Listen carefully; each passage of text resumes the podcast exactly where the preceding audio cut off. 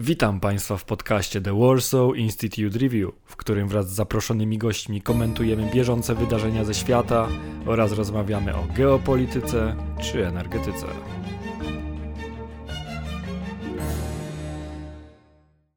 Przed mikrofonem Jarosław Walkowicz. Witam Państwa w kolejnym odcinku podcastu The Warsaw Institute Review.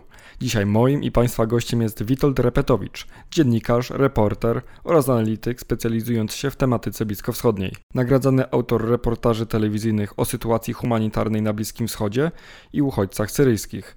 W 2017 roku więzień syryjskiego wywiadu wojskowego. Tematem naszego dzisiejszego spotkania są wydarzenia mające obecnie miejsce w Libii oraz rywalizacja graczy regionalnych oraz pozaregionalnych, takich jak Francja, Turcja, Egipt e, w rozgrywce w tym regionie. I mowa tutaj nie tylko o Libii e, bezpośrednio, ale także o Morzu Śródziemnym, gdzie roz, ma, ma, miejsce rozgrywka o Cypr oraz o dostęp do ropy oraz szlaków komunikacyjnych. Libia targana niepokojami wewnętrznymi oraz zewnętrznymi już od 2011 roku E, wciąż nie może powrócić do stanu sprzed e, wybuchu arabskiej wiosny, kiedy to śmierć poniósł jej dotychczasowy dyktator Muammar al-Kaddafi. Od tego czasu jesteśmy świadkami już blisko dziesięcioletniego konfliktu mającego miejsce e, w Libii, często krwawego konfliktu niestety, podczas którego walczą grupy wspierane przez graczy z zewnątrz, o czym niewątpliwie dzisiaj sobie powiemy. Jednym z takich graczy jest Turcja, która tak samo jak i w Syrii, tak również i w Libii zaczyna odgrywać coraz e, ważniejsze znaczenie. E, zatem, czy mógłby nam powiedzieć Pan, jakie interesy w Libii ma Turcja? Turcja generalnie ma takie dwa główne interesy. Jeden jest związany z interesami Turcji na Morzu Śródziemnym, we wschodniej części Morza Śródziemnego. To jest związane z podpisaną z e, Tripolitańskim rządem libijskim e, umową w listopadzie ubiegłego roku na temat rozgraniczenia e, wyłącznych stref ekonomicznych na Morzu Śródziemnym. I ta umowa jest sprzeczna z ONZ-owską konwencją dotyczącą prawa morza i narusza suwerenność e, Grecji i Cypru, e, nie, nie uwzględniając e, IIZ, czyli tych, tych wyłącznych stref ekonomicznych w odniesieniu do wysp, więc ignoruje istnienie Cypru i, i Krety. To z kolei jest związane z złożami gazu, które znajdują się na Morzu Śródziemnym. E, tam są złoża gazu należące do Cypru, do e, Egiptu oraz do Izraela. One znajdują się w bezpośrednim sąsiedztwie. Natomiast e, no, Turcja tutaj znowu nie uznaje suwerenności cypryjskiej na tych terenach, na których znajduje się gaz. No i wysyła tam od zeszłego roku, wysyła tam własne statki wielkie lotnicze pod eskortą wojskową. Natomiast drugą, drugą kwestią. Oczywiście jest też to, że e, Turcja chce założyć e, bazę wojskową w, w Misracie, chce też eksploatować e, gaz e, i ropę libijską, ale też chce przez Libię, Turcja jest coraz bardziej zainteresowana ekspansją w, w głąb Afryki, w, w Afryce e, Północnej. Turcja ma już bazę wojskową między innymi w Somalii i chciała założyć bazę wojskową w Sudanie. Ta z kolei ekspansja powoduje konflikt między innymi z Francją i Egiptem z różnych powodów, z, z różnych powodów. E, natomiast no to, to powoduje, że ten cały konflikt e, o Libię i o wschodnią część, wschodnią część Morza Śródziemnego jest, e, ma wymiar wręcz światowy, bo zaangażowane są państwa z czterech kontynentów w, te, w ten konflikt. Y, dobrze powiedzieliśmy sobie o Libii, a jeszcze jakie inne interesy w regionie Afryki Północnej posiada Turcja? No, e, Afryka Północna przede wszystkim e, to są e, surowce, to są też, jeżeli chodzi o szlak, tutaj wspominałem o, o mm, Somalii, to to są szlaki handlowe, szlaki handlowe przez, przez Morze Czerwone. Mm, ale też Turcja dąży do odbudowy swojej potęgi otomańskiej. No i tutaj w tym zakresie jest konflikt z Egiptem. Rządząca w Turcji Partia mm, Sprawiedliwości i Rozwoju AKP jest związana z nurtem Bractwa Muzułmańskiego i w po, arabskiej wiośnie 2011 roku Turcja wspierała Bractwo Muzułmańskie, ugrupowania związane z Bractwem Muzułmańskim w, w różnych e, krajach arabskich i w, w, również w Egipcie Bractwo Muzułmańskie w 2011 roku przejęło władzę, a w 2013 roku zostało obalone. Zostało obalone, zdelegalizowane przez e, generała Abdel Fataha Assisiego, który jest obecnie prezydentem. No i to powoduje, że od 2013 roku e, relacje między e, Egiptem a Turcją są fatalne. W tym momencie e, w Libii, w Trypolisie również e, ten rząd e, trypolitański to jest jeden z dwóch ośrodków władzy, bo drugi jest w Tobruku, oparty na parlamencie wybranym w 2014 roku. Jest oparty ten rząd w Tobruku na bractwie muzułmańskim, więc to powoduje pewną bliskość między Trypolisem a Ankarą, a z kolei strach, czy może obawę Egiptu, który no, nie chce dopuścić do tego, żeby był okrążony przez wpływy tureckie i wpływy e, związane z Bractwem Muzułmańskim. E, no natomiast e, jeżeli chodzi o, o Francję, no to tu chodzi o, o strefę wpływu francuską w, w Afryce Północnej. warto przypomnieć, że raptem państwem graniczącym z, z Libią jest Niger na południe od Libii. W Nigrze natomiast znajdują się kopalnie uranu francuskie, które są podstawą francuskiego programu atomowego. Oczywiście jeszcze można tutaj do, dołożyć jeden aspekt, jeżeli chodzi o interesy Turcji, a mianowicie mm, e, kontrola szlaku migracyjnego. Jeżeli e, Turcja opanuje e, Libię, to będzie kontrolować drugi największy szlak migracyjny. I, chciałbym przypomnieć, że już jeżeli chodzi o fakt kontroli szlaku wschodnio-śródziemnomorskiego, E, czyli tego e, idącego e, z Turcji do, do Grecji i dalej na Bałkany, to już tam Europa no, miała ogromne trudności, problemy. Turcja szantażowała migrantami, więc teraz będzie mogła jeszcze bardziej szantażować migrantami. No i tutaj też wbrew pozorom jest, mimo że w tym całym konflikcie, w tych, czy, czy, czy, czy teatrze konfliktów, bo to, są, to jest konflikt, wielowątkowy. Rosja wydaje się być po przeciwnej stronie e, od Turcji. Niemniej to są tylko pozory, ponieważ e, pozory polityki rosyjskiej przykrywają tutaj rosyjskie interesy w, na przykład w interesie rosyjskim jest również to, żeby zablokować projekt e, Istmedu, czyli tego gazociągu pompującego e, gaz z złóż cypryjskich, izraelskich i egipskich do, do Europy, ponieważ to jest konkurencja dla Turkstreamu. To jest, to jest konkurencja dla, dla Turkstreamu w dostawie gazu do południowej Europy. I tak naprawdę Turcja razem z Rosją w tym teatrze działań dążą do tego, żeby to te dwa państwa rozdzielały karty i decydowały o podziale wpływów. Udało się ubiec panu kilka moich pytań. Cofnąłbym się jednak jeszcze do samego konfliktu w Libii, o którym mówiłem we wstępie. E, mianowicie, jak wygląda obecnie sytuacja polityczna i wojskowa w kraju? Powiedział Pan o tym już kilka słów, jednakże proszę powiedzieć, jakie siły walczą ze sobą w Libii i jakie one mają wsparcie z zagranicy. Oczywiście, jeśli mają.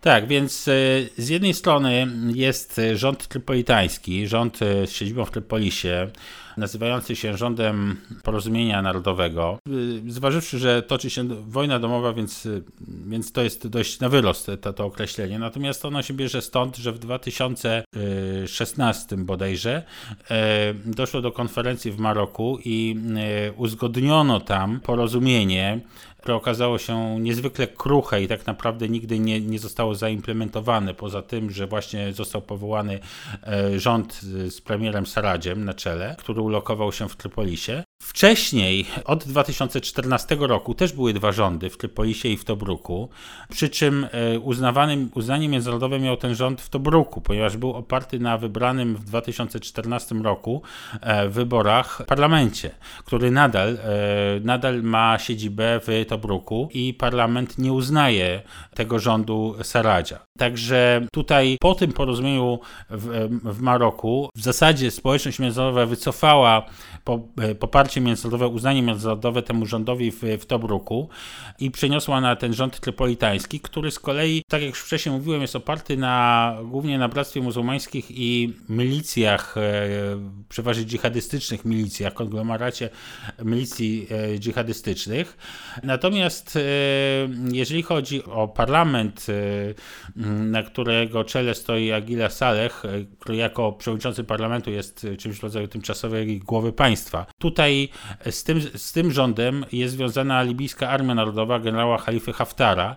Jeżeli chodzi o Trypolis, to oczywiście tutaj głównym wspierającym ten, ten ośrodek militarnie jest Turcja i również w, w nieco mniejszym, mniej widocznym wymiarze, bardziej finansowym, Katar. Natomiast jeżeli chodzi o ten y, ośrodek w Tobruku, to od początku, od 2014 roku, był on wspierany przez Zjednoczone Emiraty Arabskie i Egipt, ponieważ te obydwa państwa uważają Bractwo Muzułmańskie za śmiertelne zagrożenie dla, dla, dla siebie. Mm, natomiast tutaj również mm, zaangażowała się później mocno po stronie Tobruku Francja i to zaangażowanie francuskie coraz bardziej rośnie. Teoretycznie ten ośrodek w Tobruku wspiera również Rosja przy pomocy najemników, e, Wagnerowców. Niemniej, tak jak powiedziałem wcześniej, tutaj rosyjska gra e, w Libii jest e, bardzo wyrafinowana i Rosja dążyła do tego, żeby odsunąć, zmarginalizować inne strony popierające Haftara w styczniu e, tego roku Putin porozumiał się z Erdoganem w ramach e, całego, całej serii dealów e, obejmujących Syrię, Libię i inne kwestie. Porozumiał się właśnie z Erdoganem w sprawie Libii i mm, strony Sarać i Haftar mieli w, Moskwie to podpisać, to porozumienie i Haftar jego nie podpisał. I wtedy Rosjanie, choć nadal teoretycznie najemnicy mm, rosyjscy wspierają Haftara, to Rosjanie de facto wycofali swoje poparcie wobec Haftara, chociaż nie do końca wobec y, y, ośrodka Tobruckiego, sugerując, że, że Haftar e, nie jest najwłaściwszą osobą tutaj po tej stronie do, do wspierania. No i e, wycofali też e, tych najemników. Haftar jeszcze miesiąc temu znajdował się na pozycjach na przedmieściach Trypolisu i, i, i cała ta ofensywa się załamała, gdy Rosjanie wycofali swoje wsparcie, nie całkowicie z Libii, ale po prostu z tych pozycji wycofali i również pozwolili na zwiększenie wsparcia tureckiego dla Saradzia. Także front się przesunął pod Syrtę i wtedy bardzo mocno zareagował Egipt, dokonując mobilizacji na granicy z Libią i zapowiadając, że jeżeli ruszy natarcie na, na Syrtę, to e, Egipt e, dokona interwencji militarnej w e, Libii. Była próba ataku e, szturmu Syrty, ale została odparta i od tego czasu na razie nie ma ponownej, ponownego ataku, ale to w, dosłownie w każdej chwili może się zmienić. E, i to, co się dzieje w samej Libii, e, te, te przesunięcia frontowe, te, to, to narastanie napięcia między, no tutaj w tym wymiarze akurat przede wszystkim Turcją i, i Egiptem, bo lądowo to są główne armie, które mogą mogłyby się zetrzeć e, na tym terenie, tylko że e, Egipt e, logistycznie ma logistyczną przewagę, bo, bo ma armię zmobilizowaną na granicy. Turcja chciała również założyć bazę, już, już w 2017 roku Turcja zawarła umowę o współpracy wojskowej z Tunezją i chciała założyć bazę w Tunezji, którą mogłaby wykorzystać do, do działań w Libii, ale w Tunezji również e, współrządzi e, Bractwo Muzułmańskie. E, natomiast tam jest sytuacja znacznie bardziej złożona, jeżeli chodzi o scenę polityczną, Też w czerwcu e, Erdogan odwiedził e, Tunis, e, ale no rozmowy z tamtejszym prezydentem nie, nie przebiegły zbyt korzystnie i okazało się, że jest zbyt duży opór w Tunezji, by została ona wciągnięta w tą sytuację, która się od, ma miejsce w, w Libii. Natomiast oczywiście tego, co się dzieje w Libii, absolutnie nie można oddzielać od tego, co się dzieje we wschodniej części Morza Śródziemnego i groźbą konfliktu zbrojnego, który który ma tam miejsce, a chodzi mi głównie o e, Francję i Grecję. Skoro wspomina Pan te dwa państwa, niewątpliwie przechodzimy do tematu konfliktu morskiego, w który zamieszane jest również kilka innych państw, czy tak? Tak, jeżeli chodzi, jeżeli chodzi o konflikt e, morski we wschodniej e, części basenu Morza Śródziemnego, to tutaj minister obrony Grecji powiedział wprost, wprost że nie, nie można wykluczyć wojny z Turcją. Także to, to padły takie słowa. E, Grecja w reakcji na tą umowę, która została zawarta między Turcją a ośrodkiem w Trypolisie e, dotyczącą rozgraniczenia wyłącznych stref ekonomicznych, e, o której wspominałem w październiku, w listopadzie, przepraszam, ubiegłego roku,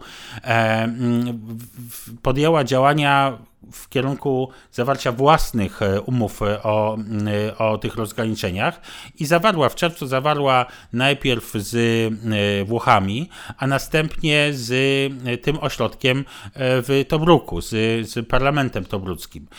Grecja de facto cofnęła uznanie Trypolisowi i uznaje za legalny rząd tobrucki, libijski rząd tobrucki. Także tutaj ze strony Libii są dwa konkurencyjne dokumenty, e, przy czym e, nawet z punktu widzenia tej umowy e, marokańskiej, który stworzył ten rząd porozumienia narodowego, to ta umowa podpisana z Turcją jest nieważna, ponieważ musiała być ratyfikowana przez parlament, a parlament tego nie zrobił. Tymczasem parlament zamierza ratyfikować tą umowę zawartą z Grecją. I tutaj te umowy, które zawiera Grecja, one są oparte na ONZ-owskiej konwencji o prawie morza, która jest podpisana przez 168 państw, ale nie przez Turcję e, nie przez Turcję. Zresztą również e, jeżeli chodzi o basen Morza Śródziemnego, nie jest podpisana, nie, stroną nie jest Izrael i nie jest Syria. Natomiast te umowy, które zawiera Grecja, są oparte na, na tej konwencji i Grecja y, twierdzi, że y, będzie bronić swoich suwerennych praw do tych terenów na Morzu Śródziemnym nie wyłączając e, działań zbrojnych. No tutaj e, warto też wspomnieć o tym, że Turcja notorycznie gwałci przestrzeń powietrzną e, Grecji. Tylko w 2019 roku było około 5 tysięcy, 5 tysięcy naruszeń przestrzeni powietrznej Grecji.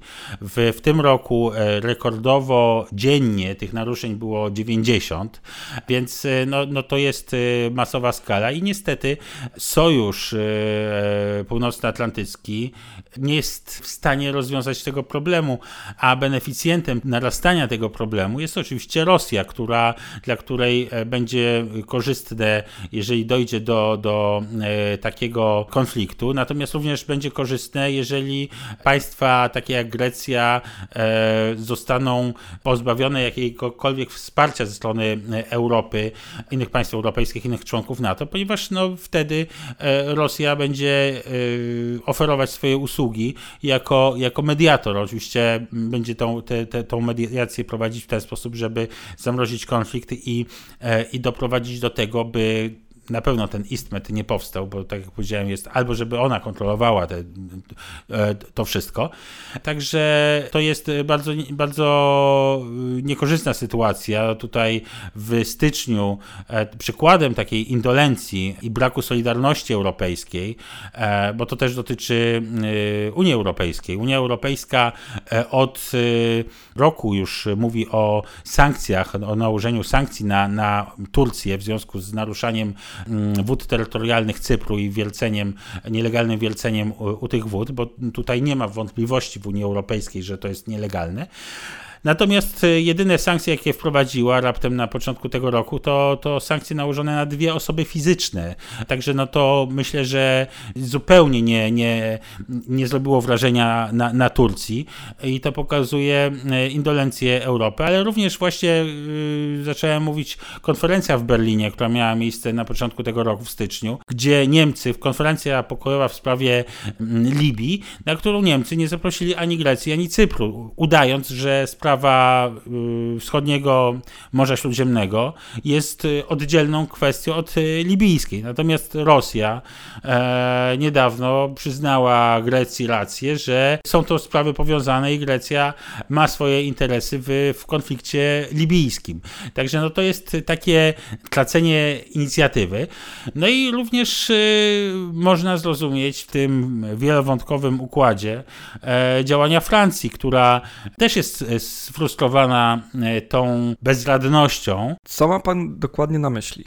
Na początku czerwca e, francuska fregata na Morzu Śródziemnym u wybrzeży Libii próbowała zatrzymać e, turecki statek w celu inspekcji. Francuzi funkcjonowali, działali w ramach operacji, mm, natowskiej operacji kontroli Morza Śródziemnego.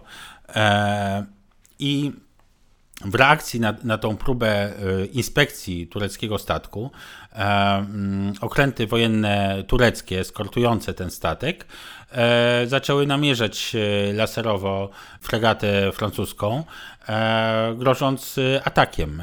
No tutaj Francuzi odstąpili od tej inspekcji, zgłosili to później w NATO, natomiast no, sprawa zakończyła się absolutnie, Turcy nie przyznali się do żadnej odpowiedzialności i sprawa zakończyła się tym, że Francuzi, Francja po prostu wystąpiła z tego programu natowskiego. Doszło też do ostrej wymiany zdań między Macronem a Erdoganem. Macron stwierdził, że ten incydent dowodzi, że jego słowa o śmierci mózgowej NATO się potwierdziły, skoro doszło do takiego incydentu i NATO nie jest w stanie nic z tym poradzić. Kwestia jest taka, że mm, póki co Turcja jest górą. Niemniej rozgrywka cały czas trwa. No, tak jak powiedziałem, Grecja zapowiada, że nie zawaha się przed działaniami zbrojnymi. Egipt również e, wzmacnia gotowość bojową swojej floty, przy czym mm, jeżeli chodzi o e, rankingi e, międzynarodowe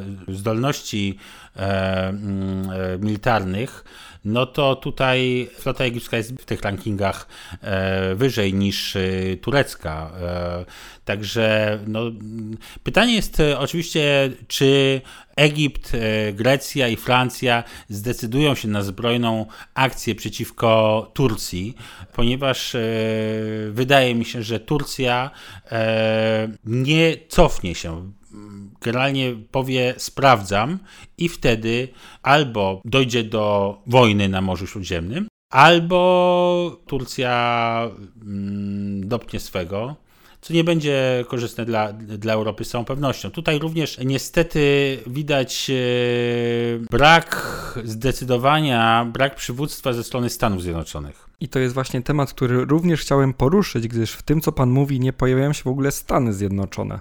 Czy w przypadku tego konfliktu mówimy o odejściu USA od stołu, czy może jest to przypadek proxy war, y, gdy to Waszyngton wykorzystuje inne kraje do kreowania konfliktu z Rosją czy też Turcją?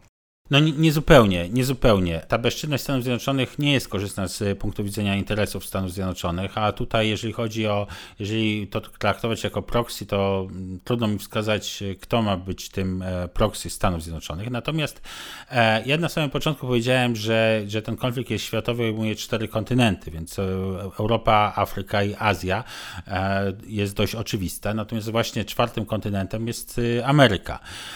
Stany Zjednoczone mają interes w wschodnim basenie Morza Śródziemnego.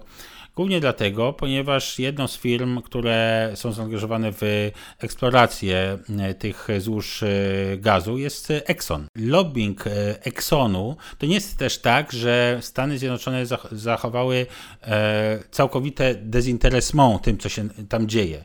Otóż Exxon, a także środowiska Izraela, proizraelskie, progreckie w Stanach Zjednoczonych dokonały wspólnego lobbingu i w styczniu bodajże kongres przyjął rezolucję e, również popierającą Cypr, znoszącą e, embargo na e, dostawy broni e, do, do, Cypru. Czyli generalnie kongres zdecydowanie e, opowiedział się w tym konflikcie e, na wschodniej części Morza Śródziemnego, zdecydowanie opowiedział się za interesami Cypru i za interesami Exxonu.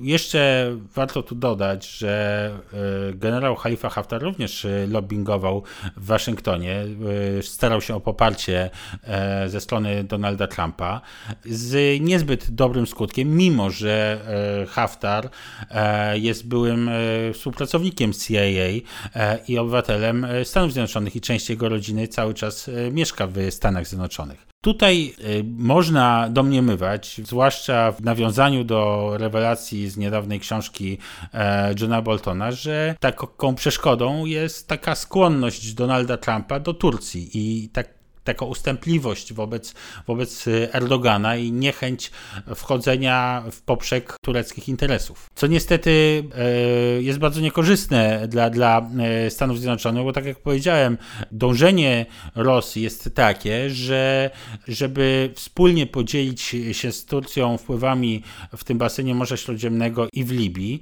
zarówno jak powstaną bazy, zarówno rosyjska, jak i, e, jak i turecka u wybrzeży Libii, to zarówno Rosja, jak i Turcja są zainteresowane regulowaniem napływu migrantów do, do, do Europy. Tutaj będą miały mocny wpływ na to. Są również zainteresowane tym, żeby kontrolować e, wszystkie gazociągi, całą sieć gazociągów e, idących do Europy. Jeżeli Istmet e, wtedy powstanie, to powstanie pod patronatem rosyjskim i zostanie włączony w sieć rurociągów rosyjskich. Tak jak Turkish Stream. Y, zatem uważa pan, że obecne oziębienie turecko-rosyjskich relacji jest tylko chwilowe, czy może jest wręcz tak zwaną przykrywką dla ich kolejnych wspólnych planów? To oziębienie e, relacji e, rosyjsko-tureckich to jest bardziej takie wishful thinking. Ja przypomnę, że była konfrontacja w Idlibie między siłami rosyjskimi. E, w zasadzie Rosjanie zbombardowali, zabili tureckich żołnierzy. Turcja nie przyznała, że to Rosjanie zrobili, tylko oskarżyła Damaszek o to. I mm, pojawiały się analizy o tym, że jest e, koniec z tym porozumieniem e, turecko-rosyjskim. Raptem, raptem dzisiaj był kolejny, przyjeżdżał w północnej Syrii kolejny patrol, wspólny patrol e, turecko-rosyjski. Więc to jest wszystko e, ścieranie się o podział wpływów, gdzie Rosja cały czas jest tą stroną silniejszą, suma summarum w tej, w tej, na, tym, na tym w teatrze działań, natomiast akurat w Libii jest stroną e, słabszą. Mm, faktycznie Rosja, podobnie jak USA, niedawno dość mocno rozciąga swoje siły. Y, natomiast zbliżając się już do końca, chciałbym zapytać o to, czym różni się ten konflikt libijski od wojny w Syrii. Kilkukrotnie wspominaliśmy już tę wojnę, jednak dokładniej, jakie są podobieństwa, a jakie różnice między tymi konfliktami. Generalnie w, w wizji e, rosyjskiej e, Syria i Libia powinny być e, systemem naczyń połączonych, więc deale obejmujące Syrię powinny obejmować również Libię, to znaczy nie są to kwestie oddzielne. Jeśli coś na przykład Rosja ustąpi Turcji w, w Syrii, może żądać wynagrodzenia wynagrodzenia w Libii. E, także to, to są właśnie te, te naczynia połączone. Natomiast e, poza tym e, jednak te konflikty są, są, są, różne. Mimo, mimo umiędzynarodowienia konfliktu syryjskiego, to ten konflikt ma w tym wymiarze międzynarodowym ma, ma, znacznie mniejszy wymiar ten międzynarodowy niż libijski. A tak jak powiedziałem, ten libijski wymiar no jest, e, jest e, wymiarem światowym obejmującym cztery kontynenty. No tutaj w Libii oczywiście są Irańczycy, są e, w Syrii, tak, w Syrii są, no w Libii mówi się też, że są Irańczycy, chociaż nie jest to do końca pewne. I akurat mówi się, że Irańczycy są po stronie Trypolisu paradoksalnie natomiast w Syrii są Irańczycy, są Izrael z kolei bombarduje tych Irańczyków, są Amerykanie, są oczywiście Turcy, pojawiają się Irakijczycy od czasu do czasu, także Także ten wymiar międzynarodowy jest również, niemniej on jest bardziej, e, bardziej trochę skondensowany do, do no, po, poza, poza Rosjanami i, i, i Amerykanami do, do, do, do regionu. Tak? Libia, no ten, ten, ten rozmach, ten, ten zasięg, no tutaj, tutaj jeżeli chodzi o, o Syrię również nie ma groźby, mm, żeby ten konflikt zmienił się z proxy na otwarte starcie e, międzynarodowe. Natomiast w przypadku Libii takie, taka, taka groźba jest.